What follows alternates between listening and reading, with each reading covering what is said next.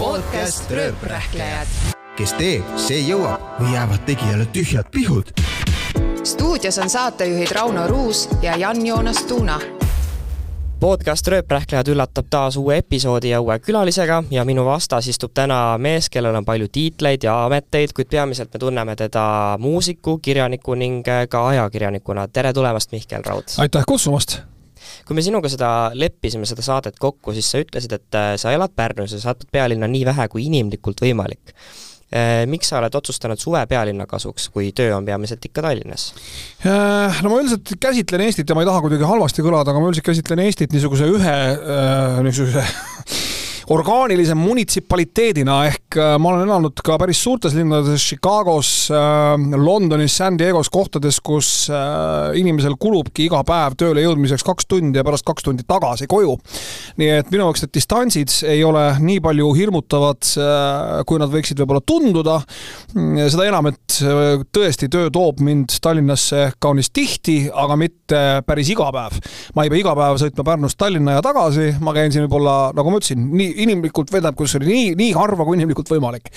ja mis mulle nagu selle noh, elukorralduse juures meeldib, on see, et koju jõudes ma ei pea kunagi muretsema selle pärast, kui mitukümmend minutit ma pean toidupoe juures parkimiskohta otsima või, või, või kui mitukümmend korda ma pean vihastama.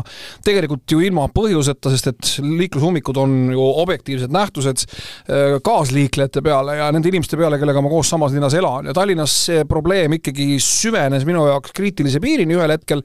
Ja ma olen küll niisugune never say never tüüpi inimene, et ega ma ei saa kunagi välistada, et, et ma kunagi ka Tallinnas veel ja jälle elan, sest Tallinn on minu sünnilinn ja Tallinn on linn, mida ma armastan ja jumaldan ja mis, kus mul on alati väga meeldinud elada. aga üldiselt ma olen jah, kuidagi selle endale natukene suuremaks suutnud mõelda, et Eesti lihtsalt ongi üks, üks suur linn justkui, kus on veidi vähem asustatud punktid ja veidi rohkem asustatud punktid ja, ja päris asustamata punktid ja ma lihtsalt otsustasin no see on umbes nagu suures linnas valida, et kui sa, kas, kas sa oled kuskil, ma ei tea, downtown Chicagos elad või, või tõesti liigud kusagile põhja poole, kus on nagu veidikene rahulikum ja, ja kus iga päev. otsid seda rahu ikkagi natukene nii, nii palju kui võimalik siin Eestis. kindlasti ma otsin rahu, aga, aga ma otsin ka nagu praktilise elu mõttes ikkagi seda, et ma ei pea, et ma, et ma, et ma saaksin elada niimoodi, et ma veedan autos võimalikult vähe aega no rääkisime tööst, on ju, et töö toob sind Tallinnasse, aga millega sa täpselt praegu tegeled, et me näeme, et sa oled Superstaari saates jälle kohtuniku laua taga. aga mis on võib-olla see, mida me tegelikult ei näe, millega sa toimetad, aga sa toimetad ikka, sellepärast et mingist intervjuust ma lugesin välja ka sinu sissetuleku kohta, see võib-olla oli natukene, see oli kaks tuhat kakskümmend aastal vist ilmunud, et ta, et ta ei jää alla kümne tuhande euro noh, ka niisugune intervjuu, võime rääkida pikalt, kuidas see kõik aset leidis ja, ja, ja kui tõsine kogu see jutt oli ja, ja nii edasi ja, ja siis, mis asi see on sissetulek, kas see on ettevõtte käive või või, või, või see summa, mille peale üks ettevõte kuu jooksul arveid esitab või see on siis see, mis, mille inimene tõepoolest peale kõikide maksude mahaarvamist kätte saab ja nii edasi. aga see on noh, tüütu teema, aga neid asju, millega ma, millega ma igapäevaselt oma professionaalses elus tegelen, on tõesti üksjagu palju. superstaar äh, hämmastaval kombel võib-olla kõige nähtavam, samas kõige noh, kuidas öelda, kõige väiksema aja, ajakuluga ettevõte või ettevõtmine. et et eriti praeguses faasis, kus me oleme otsesaadete faasis, mul ei ole tegelikult vaja rohkem selle saatega tegeleda kui pühapäeviti, mil me oleme otse-eetris. aga selle kõrval ma teen tõesti väga palju erinevaid asju väga suure osa minu professionaalsest elust moodustab koolitamine motivatsiooni kõnelemine, mis tuli minuni ka kunagi ka seitse-kaheksa aastat tagasi täitsa juhuslikult. ma kirjutasin ühe raamatu, mille nimi on Kus ma olen ja kuidas sina võid palju kaugemale jõuda, mis oli niisugune äraspidine, veidi keel põses eneseabiraamat, kus ma rääkisin erinevatel teemadel ja inimesed tahtsid ja hakkasidki mind kutsuma nendel teemadel kõnelema ja, ja niimoodi sai minust ootamatult motivatsioonikõneleja ja koolitaja mul on kodulehekülje peal täitsa kõik need olemas ka, mida ma teen. ja, ja, ja, ja selle töö osakaal järjest tõuseb. Ja ma olin nii palju, kuidas siis öelda, ühest küljest nagu rumal, et ma tegin seda nii hilja, aga nii palju nutikas ma seda lõpuks ikkagi tegin, ma palkasin endale mõneks ajaks ettevõttesse tööle turundusdirektori või direktrissi, kes tõi, tegi üksikuid asju ja, ja nende üksikute asjade tulemusel olen ma täna täiesti olukorras, kus neid päringuid on, on rohkem, kui ma neid jaksan ära teha see on üks osa, teine osa on kahtlemata igasugune kirjalik tegevus, mida mulle ju ka tegelikult väga meeldib teha ja, ja mul just nüüd värskelt, kui me räägime, on ju ilmunud ka uus raamat, see ei ole küll ainult minu raamat, see on raamat, mille me lõime kahasse Epp Kärsiniga, selle nimi on Ennast raiskame võõrastes voodites. ma kirjutan raamatuid Äh, ma kirjutan äh, sisu kaunis palju äh, oma klientidele. seda ma teen üldiselt pigem nagu incognito. selle sisu all ma pean silmas erinevaid blogisid ja artikleid ja, ja, ja nässu, mul on väike portfell ettevõtetest, kellega ma koos töötan ja kellega mul on nagu noh, igakuine noh, täiesti konkreetsete mahtudega koostöö. see on kirjutamine. no ja kõigele lõpuks või kõige lisaks ma ju tegelen ka muusikaga ma mängin ansamblit, või vabandust, kitarri ansamblis äh, Singer Vinger ja, ja mul on ka oma ansambel ja, ja, ja need kaks ka kuidagi nagu muusikalises mõttes hoiavad mind kaunis hästi nagu vormis, mänge ei ole õnneks liiga palju, ma lihtsalt ei jaksaks neid teha nii palju, kui, kui võib-olla minu sõber Hendrik Sal-Saller teeb.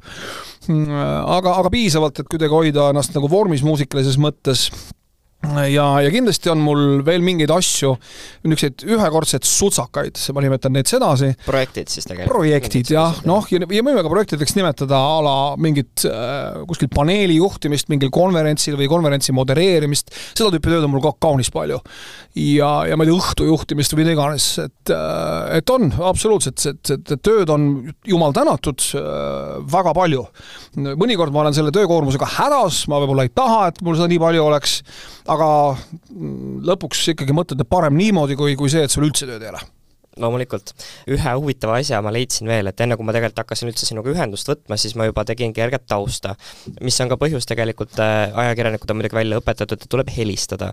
aga sinu puhul ma tegin niimoodi, et ma saatsin meili sulle hoopis, mis ma saan aru, et on õige käik tegelikult sinu puhul. on küll, sellepärast et äh, ma ei viitsi ja tegelikult ei ole ka tihtilugu praktiliselt võimalik leppida asju kokku äh, telefoni teel, ma võin olla autos, kui ma küll räägin sinuga hands-free abil, aga aga ma ei saa vaadata oma kalendrisse ega midagi kirja panna, panna või, või, või ühesõnaga see telefonitse asjade kokkuleppimine on keeruline. mulle meeldib seda teha emailis äh, ja, ja see annab mulle võimaluse kuidagi efektiivsemalt ja paremini läbi rääkida Messengerid ja kõik siuksed äpid on ka teise no kahjuks nad on mul olemas, aga tänapäeval jah, inimene nendest ei pääse, see on täiesti hämmastav, kuidas osad inimesed tahavad sinuga vestelda Facebook Messengeris, osad tahavad sinuga vestelda Instagramis ka täiesti nagu professionaalseid asju. Äh, osad tahavad rääkida sinuga, sinuga LinkedInis, äh, osad kirjutavad sulle Whatsappi, mõned räägivad Signalis sinuga. sul peab olema iga inimese jaoks eraldi äpp, nii et sul on lõpuks ongi üks lihtsalt eraldi kaust, erinevaid kommunikatsiooniäppe, vana hea email siiski on minu noh, vaieldamatu lemmik äh, Äh, mulle email väga meeldib, email on lihtsasti otsitav erinevalt kõikidest nendest messenger äppidest, ma ei leia enam üles mingeid vestlusi ja nii edasi, seal on võimalik vestlusi tag ida ja ja, ja, ja, ja nii edasi, et email on jah, üldiselt minu eelistatum äh, kommunikatsioonivorm mm. -hmm. sa oled meedias tegelikult justkui nagu kõigest rääkinud, suhetest, lastest, muusikast, äh, ärevushäiretest kas, kas jääb nagu mulje, et kas me nagu teame tegelikult juba kõike sinu kohta või kuidas sa tunned, et kui suurt osa sa tegelikult ikkagi endale hoiad? No väga suurt osa, et ma ikkagi mõtlen endast ja ka praegu sinuga siin vesteldes endast ikkagi kui teatavast karakterist, mida ma esitan. et mask on ees selles suhtes? kindlasti, loomulikult, absoluutselt igal inimesel on mask ees, kui ta koduuksest välja tuleb, mõnel ei õnnestu isegi koduseinte vahel seda maski eest ära rebida, et iga kord, kui me koduukse selja taga kinni paneme, me tõmbame maski ette, selles ei ole mingit küsimust.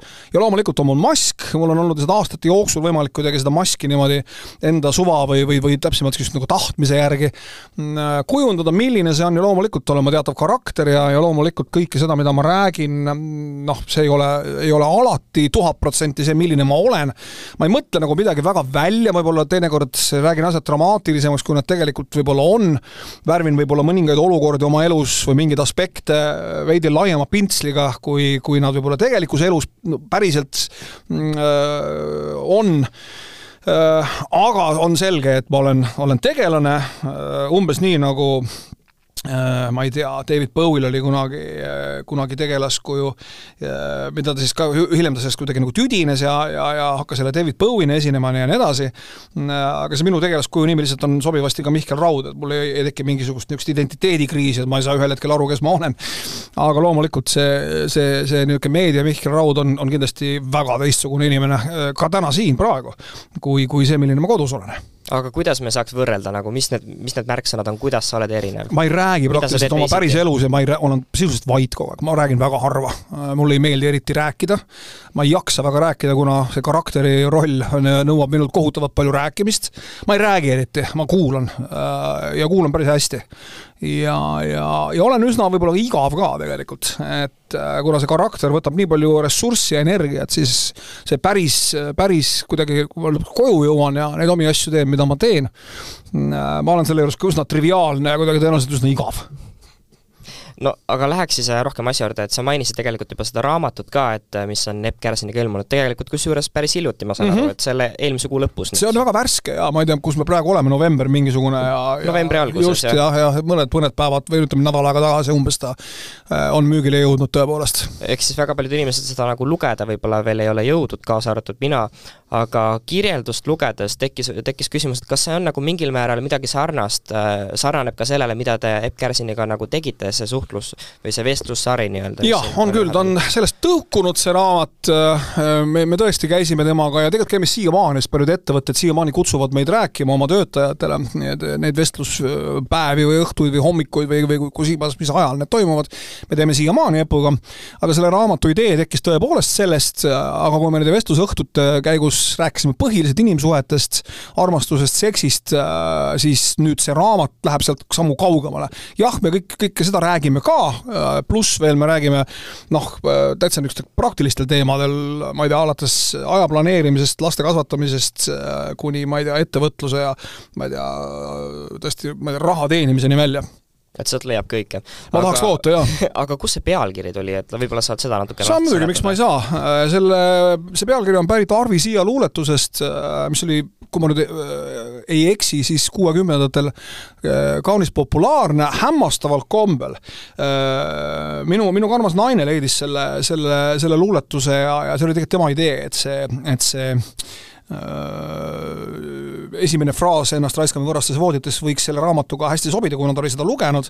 Mm, mulle üldiselt meeldivad sellised poeetilised raamatu pealkirjad ja, ja, ja üsna mitmed minu raamatud on saanud oma nime äh, kas laulusõnadest või luuletustest, ma ei tea, alates Musta pori räkkust, mis oli minu isa sõidulaulu üks fraas, kuni ma ei tea, võtku homme mind või saatan, eks ole, mis oli, äh, mis oli äh, mu see suhteraamatu pealkiri, kuulus Rock, Rock Hotelli laul ja nii edasi äh, ja, ja, ja see, see luuletus on, on kaunis teada ja tuntud äh, minu ja, ja minust veidi vanemate inimeste seas, aga hämmastaval kombel keegi ei suutnud meenutada, kelle, kelle, kes on selle luuletuse autor.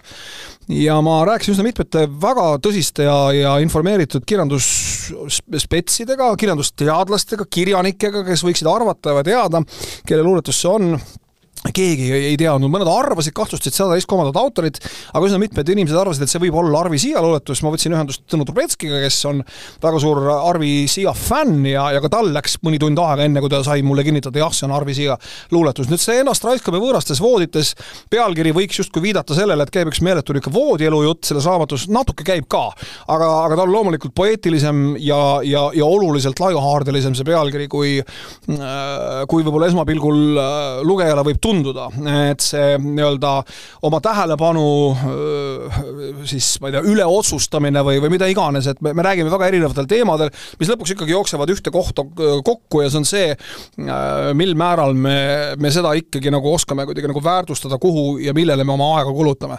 nii et, et selles, ma muidugi seletasin seda praegu väga kuidagi noh, mitte liiga poeetiliselt, kuidas, kuidas see pealkiri meie raamatu sisuga haakub, aga, aga laias laastus ta nii on, et see ei ole, ja see luuletusena ka ei ole mingisugune, mingi mingisugune tohutu seksiluuletus ju kaugel sellest.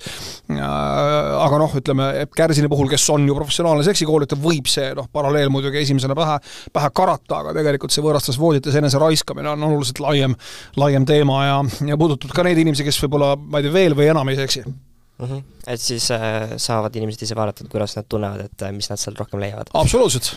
Aga teine ilmselt kõige põletavam teema praegu on sinu kirjutatud hiljutine artikkel Eesti naise arvamus rubriigis, kus sa räägid vasektoomiast kohe esimesed read sa kirjutad, et sa jätad mainimata, et kas ja millal see operatsioon sinul oli, aga samas, kui sa niivõrd palju juba teemat avasid, siis kas sa arvad, kas see oleks nagu mingit rolli mänginud ja lugu kuidagi muutnud või miks seda mitte välja tuua? ei, äh, selle alguse mõte on rohkem võib-olla viidata sellele, et Äh, vasektoomiast peab olema võimalik rääkida äh, nii, ilma kogemata võib-olla siis äh, ilma selleta, et see, et see jutt mattuks mingite kalambuursete pealkirjade ja lihtsustatud äh, kokkuvõtete ja, ja lihtsustatud lööklausete alla äh,. see oli rohkem selle, selle noh, nimetame seda siis kirjanduslikuks võtteks mõte mm. -hmm. aga see oli väga hea lugu, et kas keegi on öelnud ka sulle, et, et see artikkel nagu läks korda neile? ikka on loomulikult ja see on Eesti naise puhul üldse hästi tore, et ma olen seal nüüd juba ohohoo, ma enam ei suudagi meenutada, ikka üksjagu juba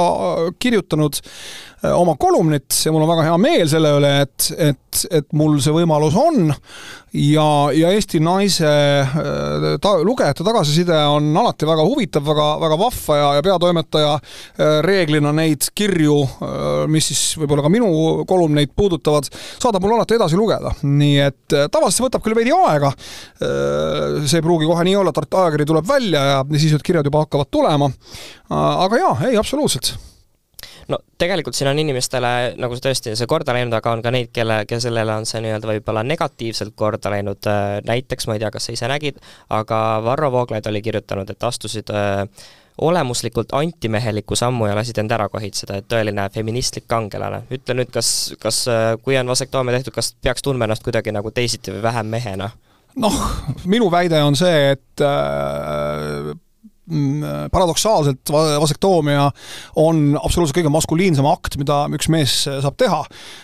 selle see on nagu selles, järgmise leveli absoluutselt, see väl-, selles väljendub, selles väljendub äh, valmisolek võtta vastutus äh, oma, oma tegude tagajärgede eest, ehk äh, nagu naljad telles on öeldud, mm, vasektoomia tähendab seda, et sa ei pea enam kunagi vabandust kellegi käest paluma.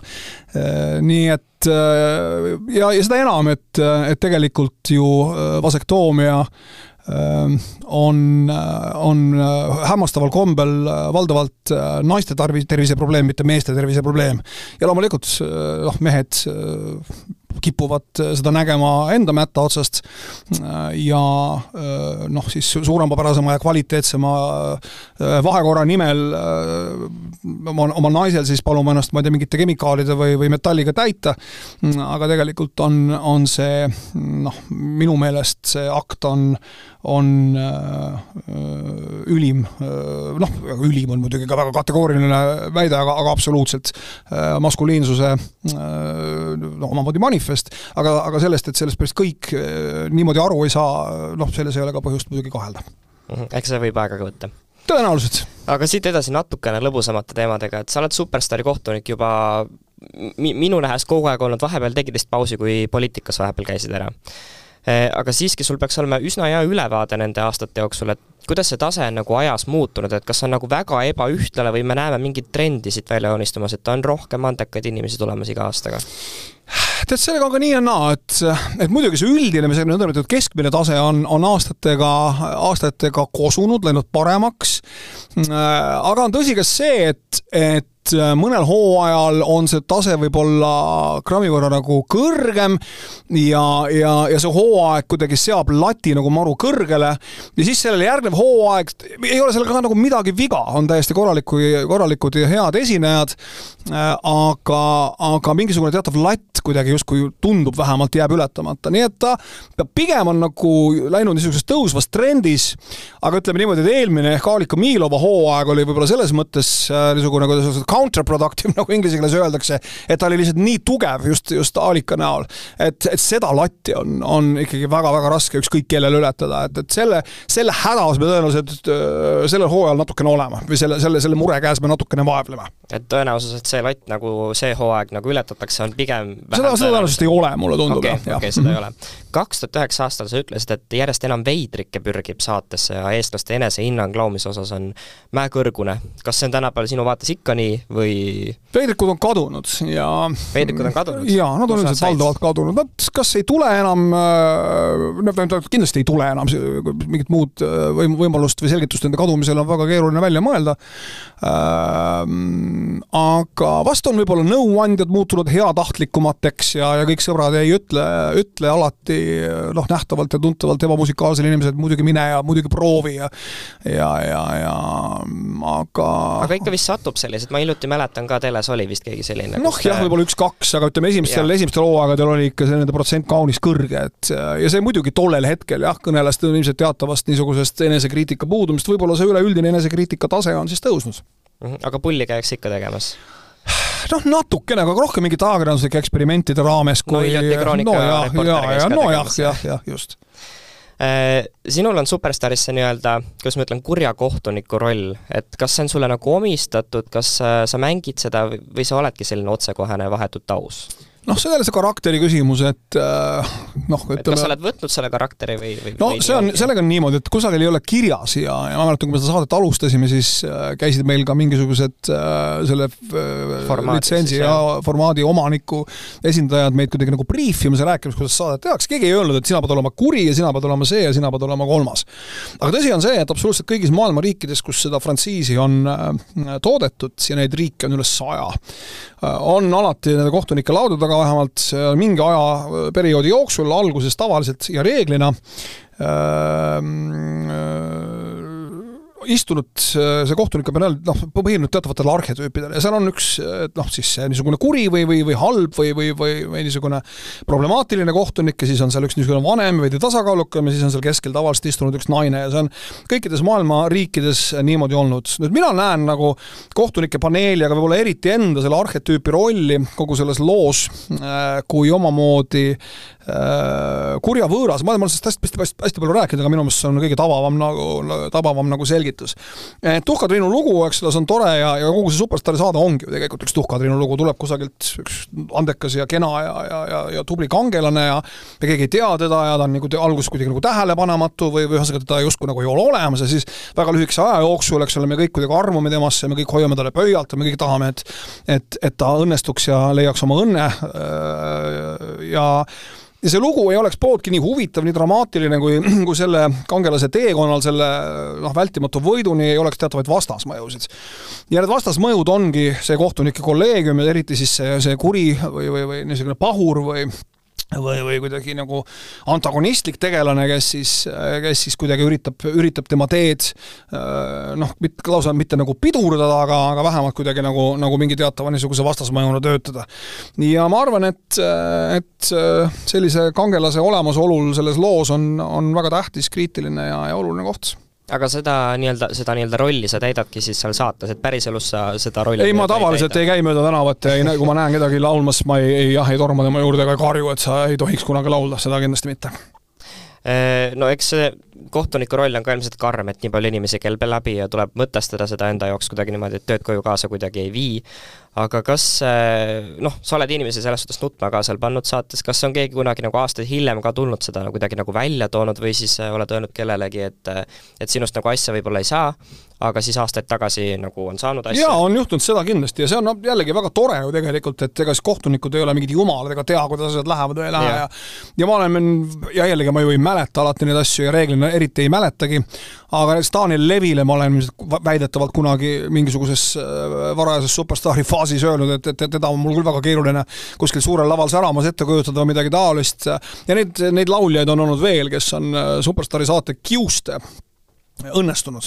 ja see on väga tore, tähendab siis selles mõttes kiuste, et nad ei ole sealt edasi saanud või ei ole kuidagi, ma ei tea, seal hilisemates voorudes õnnestunud ja, ja, ja seetõttu mul on noh, kuidas siis öelda, see on, see on ainult tore, et, et nii on ja, ja, ja veel kord, ega siis noh, see on lihtsalt üks telesaade ja, ja, ja see telesaade kellelegi annab võimaluse, aga ta ei võta kelleltki võimalust ära, kui, kui see inimene just ise ei tule ja kuidagi spetsiaalselt ennast noh, lolliks ei mängi meelelahutus ikkagi? Loomulikult on see meelelahutus, loomulikult absoluutselt kõik, mis tuleb televisioonist, äh, kaasa arvatud uudised, on meelelahutus mm. -hmm.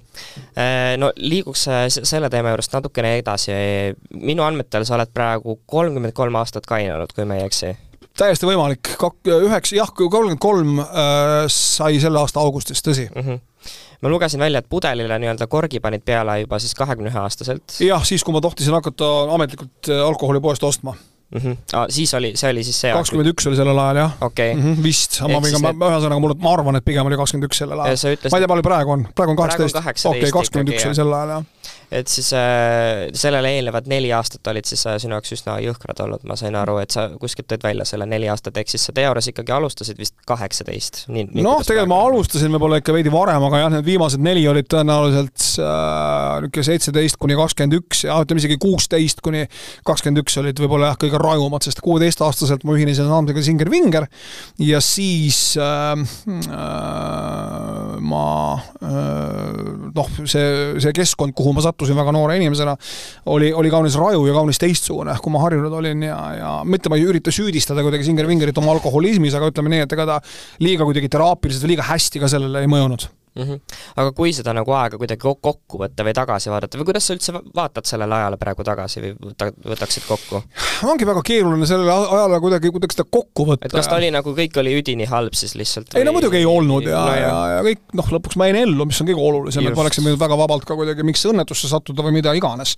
ja, ja, ja ma olen sellest, mitte küll ainult sellest, aga, suuresti ikkagi sellest ka, ka kirjutanud, kirjutanud äh, ühe raamatu, mis mis oli, oli kaunis edukas ja ja mõnikord naljatades mõtlengi, et kui, kui minu käest küsitakse aeg-ajalt, no mida sa ütleksid oma ma ei tea, neljateistkümneaastasele iseendale, siis ma ütleksin, et ära jumala pärast joomist maha jäta, sellepärast et sa kirjutad sellest kõigest aastakümnete pärast ühe, ühe kaunis eduka raamatu. aga ei noh, mis seal ikka, noh, ma ei ole üldiselt mingi niisugune kohutav ka, kahetseja ja loomulikult noh, mul oleks, mulle meeldiks olla võimeline natukene ja mõistlikult jooma alkoholi. aga ma ei ole, ma ei ole võimeline ja, ja, ja no mis seal siis ikka, et, et kaine elu on tegelikult väga tore ja väga-väga mõnus ja ja ja noh, see periood, noh, ta on minu elus olnud ja ja ega, ega mis sa oskad, mis sa oskad äh, tagantjärgi midagi väga kahetseda või? no kahetseda võib-olla mitte, aga kas sul on midagi võib-olla sa, mida sa nagu meenutad, et äh, mingisugune huvitav lugu, mida võib-olla, võib-olla kaine peaga ei oleks näiteks juhtunud? Eh,? no midagi nüüd niisugust eriti lahedat, mis sai juhtuda ainult tänu sellele, et ma olin juua täis, ma siiski niimoodi praegu väga-väga puusalt meenutada ei suuda. et äh, see, see, see kuidagi noh, kuidas siis öelda, tagantjärele ei, ei mõjutanud mu elu nagu pöördumatult halvasti, aga kuidagi nagu hästi, aga ikkagi inimesele, noh, oleme ausad, noh, selline üsna, üsna raju joomine ei, ei mõju mm. -hmm. no sa ütlesid varasemalt ajakirjanduses, et äh, sinu limiit sai nii-öelda selle nelja Just, aastaga kenasti ja, täis. igal et... inimesel on oma kogus, mille ta ära peab elu jooksul jooma. Need on minu venna sõnad, kes võib-olla ka kunagi tsiteeris kedagi teist ja mina lihtsalt jõin selle koguse veidi kiiremini ära kui ülejäänud inimesed ma sain aru, et geneetikas on ka ikkagi mingisugune teema siin, et äh, oled, oled enda lastele ka juba öelnud, et, äh, et ettevaatust et absoluutselt, alkoholism on, alkoholism on geneetiline haigus ja, ja, ja mitte, et see ei oleks kuidagi, mitte, et, et ei ole nii, et et, et, et kui sinu vanemad ei ole alkohoolikud ja vanavanemad ja su suguvõsad alkohoolikuid ei ole, et sa siis automaatselt oled kuidagi immuunne. aga on selge, et kui sinu isa, äh, nagu minu laste isa, äh, siis on alkohoolik, siis on jah, sul ikkagi suur tõenäosus, et sa oled ka ise selle, sellele probleemile rohkem kuidagi avatud aga joomine on paraku ikkagi nagu noorte seas ka sotsiaalne tegevus mm -hmm. eestlastele üldse, et kes ennast väga kaine peaga võib-olla ei avagi kuidas nagu selles mõttes sellele survele saaks vastu panna, et sotsiaalses, sotsiaalsetes olukordades tegelikult ei pea jooma, et kas peod saab ka nagu kainelt peetud tegelikult? et sul on nagu hea tegelikult võrrelda selles suhtes, et sa oled saanud väga paljud peod kainelt peetud. ei, aga ma ei ole mingi väga suur pidutseja ausalt öeldes, mulle nagu peod väga ei meeldi või ma ei oska öelda, ma ei, ma ei, ma ei tunne ennast nagu liiga hästi ma ei taha kuidagi väga ebapedagoogiliselt kõlada, aga ma pigem arvan, et peol noh, ma, mis see pidu on? pidu tavaliselt peod on erinevad selles jah, suhtes, tavaliselt peetakse peona silmas seda, et me ostame kasti õlut ja kasti viina ja läheme kellegi suvilasse ja ja joome ennast seal ribadeks. Äh, aga jah, tõenäoliselt on ka mingeid teist tüüpi pidusid ja, ja, ja noh, lastel on peod ja lastel on sünnipäevapeod ja, ja seal ju teatavasti alkoholi ei tarbita ja nii edasi see ilmselt eeldab natukene täpsemini peo defineerimist, et kindlasti on mingit tüüpi pidusid, mida on võimalik ilma alkoholita pidada, aga, aga kindlasti on ka neid, mida ei ole minnes natukene siit edasi, et ma saan aru, et äh, sul on olnud ka ärevushäired ja paanikahoogusid ja see esimene paanikahoog või, või see suurem pauk tuli siis vist niimoodi, et sa ei saanud isegi päris täpselt aru, et mis see oli? muidugi ei saa, ma ei saanud aasta kümneid aru, mis minul viga on, või võib-olla aastakümneid, võib-olla on liialdus, ma mõtlen. minu esimene paanikahäire tabas mind, ma arvan, see aasta võis olla mingi kaheksakümmend seitse või midagi taolist, kaheksakümmend kuus, kaheksakümmend seitse. muidugi ma ei saanud aru, mis minuga juhtus ja aga mis sa arvasid, mis see nagu on? ma arvasin, et, ma arvasin, et ma, et mul on mingisugune eriline, mingisugune vaimne seisund, ma ei arvanud, et ma lähen hulluks, aga et mul on mingisugune unikaalne, ainult minule ainuomane mingi niisugune mingisugune neuro, neuroloogiline probleem. selles ma olin veendunud väga-väga kaua väga,, väga-väga pikalt, kuni ma pakun umbes, ma ei tea, võib-olla hilis kolmekümnendate eluaastateni. ma ei olnud küll joonud juba väga ammu ja ma, eks ma siiamaani ju olen oma paanikahäirega, mitte nüüd lausa hädas, ma olen õppinud temaga elama ja ma tean, mis asi see on ja ma tean, kuidas seda ennetada ja kui ta tuleb, kuidas sellega hakkama saada. aga, aga ma väga pikalt ei saanud aru ja see oli selle paanikahäire juures võib-olla kõige suurem probleem, et ma ei saanud aru, mis mul viga on. kuni ma täiesti juhuslikult ühe terapeudiga kohtusin, rääkisin talle, ta ütles, oi, see kulla mees on äh, ma ei tea, kahekümne esimese sajandi või, või kahekümnenda sajandi, ma ei mäleta, mis sajandil ma temaga kohtusin äh,, väga levinud haigus, seda tapevad kümned miljonid inimesed üle maailma, selle asja nimi on paanikahäire ja selle vastu on tegelikult ravi ja selle ravi nimi on teraapia ja see kõik on niisugune ei ole kaugeltki nii problemaatiline ja hull, kui sa arvad, et see on ja juba ainuüksi see teadmine, et see ei ole minu mingi ainuomane niisugune veider seisund. Nagu täpselt, ma ei ole üksi selles probleemis, see juba aitas massiivselt. ja siis ma käisin selle terapeudi juures mõned korrad äh, nii-öelda vastuvõtul ja sellest oli tohutult palju abi. ja, ja kui ma võib-olla äh, veel kusagil kolmekümnendates eluaastates äh, noh, olin ikkagi väga hädas ja ja pidin alati teatris ostma endale kõige äärmise koha peale piletist ja seal keskel ma tundsin võimalust, et seal võib mind paanika haarata ja, ja, ja lennukiga noh, ikkagi noh, ikka kohe väga-väga raske oli, oli mul lennata ja nii edasi, lifti ma ei astunud vabatahtlikult ja, ja nii edasi, siis, siis tänaseks on, on kõik need probleemid ikkagi laias laastus lahenenud et lennukiga pole probleemi lennata ja no, on, lifti, selles lifti mõttes, ja lifti ma võin, kui ma lifti kinni jään, siis on muidugi pahasti, aga, aga ja, jah, et, et, et ma saan hakkama liftidega. lennukiga on jah veidi keerulisem, lennuk on võib-olla koht, kus mul siiamaani see paanikahäire võib avalduda, aga, või, või paanikahoog võib tekkida. aga noh, midagi teha. Ei ole, noh, inimene noh, ühesõnaga ütleme niimoodi, see ei sega mul lendamast, see ei sega mul oma elu elamast see häire. sest lennanud sa oled ikkagi tohutult palju ju. kohutavalt, kriminaalselt. kriminaalselt ja. palju kohe e aga sa ütlesid, et sa oled nagu harjunud õppima sellega elama, kas seda on nagu siis praegu hiljuti ka näiteks ette tulnud mingites olukordades? No väga harva, puh okay., puh, puh kolm korda üle, väga harva, aeg-ajalt mõnikord aga mitte kuidagi enam väga, kuidagi väga ja ma ei, ma ei ole mingit kas tablett. kas need on needsamad olukorrad siis või? pigem needsamad okay. olukorrad, jaa, jah, täpselt, pigem samad, noh, lennukis võib kuidagi anda, anda nagu märku, et nüüd läheb asi kehvaks. aga siis sa mõtled selle peale ja saad aru, et see tegelikult on, et kõik on tegelikult kontrolli all ja see kohe läheb üle ja ta alati lähebki üle, see, see hoog ja nii edasi. Ja, ja siis jah, kuidagi mul on, on äh, õnnestunud noh, nagu ma ütlesin, sellega lihtsalt elama õppida ja, ja see, seda, selle, selle vastu tegelikult on ravi ja, ja -huh. ja, ja, ja, ja, ja ei ole vaja mingeid tablette süüa ega midagi taolist, et see on, on, on ikkagi väga inimese mõtlemises ja tema, tema mingites käitumismustrites kinni ja ma just sinna tahtsingi jõuda, et sa oled öelnud, et tablette sa ei ole kasutanud kordagi nagu ei, selle ravi jooksul, et ei. aga paraku väga paljud noored tänapäeval on nende antidepressantide ja nagu kõikide tablettide peal, et mis, mis need sinu peamised nii-öelda riistad või nagu abivahendid olid nagu, et kuidas no ma peaksin nüüd hakkama võib-olla terapeudi juttu ümber rääkima, mida ma nagu ei taha teha sellisel põhjusel, et ma võib-olla räägin seda juttu valesti ja nii edasi, aga seal on mingid jah, teatavad niisugused äh, niisugused tehnikad. võib-olla siis tehnikad, mis on nagu sind just aidanud? noh, seesama hirmudele eksponeerimine niisugune, seda vist nimetatakse eksponeerimise yeah. tehnikaks, et sa ei põgene justkui selle paanikahoo eest, et sa noh, tavaliselt äh, paanikahoo saabudes inimene hakkab nagu oma tähelepanu mingile teisele tegevusele tegevusele suunama ja selle asja nimi vist oli turvalisuskäitumine. ehk siis ma ei tea, mul tuleb paanikahoogs, ma hakkan, ma ei tea, närviliselt oma kingapaela näiteks lahti kinni siduma või või, või, või, või ma ei tea, lennukis hakkan närviliselt ajalehte lugema või teen, hakkan nagu mingisse tegevusse kanaliseerima seda oma paanikahoogu. aga see eksponeerimise tehnika, tähendab selles, et sa ei tee midagi, sa lasedki sellel asjal tulla -hmm. see asi läheb mööda ja sa vaatad, näed, midagi ei juhtunudki.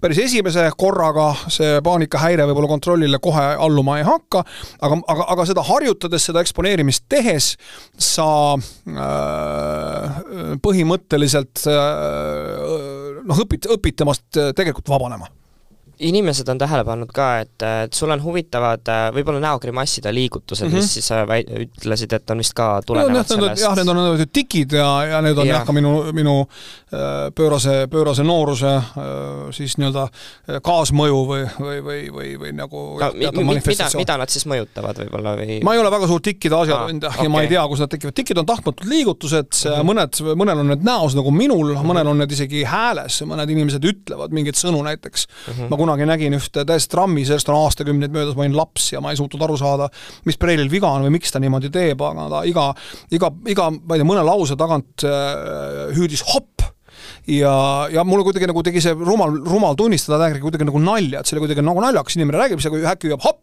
hopp, aga tegelikult oli see tikk, ehk siis need tikid võivad, need, need niisugused kontrollimatud sundliigutused võivad äh, avalduda tei-, ka teistmoodi. Nendel on vist, sellel vist juba on eraldi mingisugune täiesti võimalik, tõenäoliselt on see ja, ja veel kord, ma ei ole ju arst ega, ega tea nende tikkide kohta liiga palju, aga ma tean seda, et nad on äh, kontrollimatud, see ei ole kuidagi niimoodi, et ma tulen ja teen meelega neid grimasse ja kuigi mõni on võib-olla isegi seda äh, aastate jooksul arvanud, et ma arvan, et see on jõle lahe ja siis teen neid mm. -hmm. ei ole nii no sa oled kolm last üles kasvatanud ja natukene muljetanud ka sellest ajakirjanduses Pere ja kodus, et äh, sa andsid mingil aastal ka uusaasta lubaduse, et sa ei vihasta laste peale äh,, ütlesid, et las nad põhimõtteliselt teevad kõike, provotseerivad, mööbeldavad, lõhuvad, kriiskavad, nutavad, on ju, et peksavad teineteist, sikutavad kassi, sa vastu absoluutselt, see list oli tohutult pikk.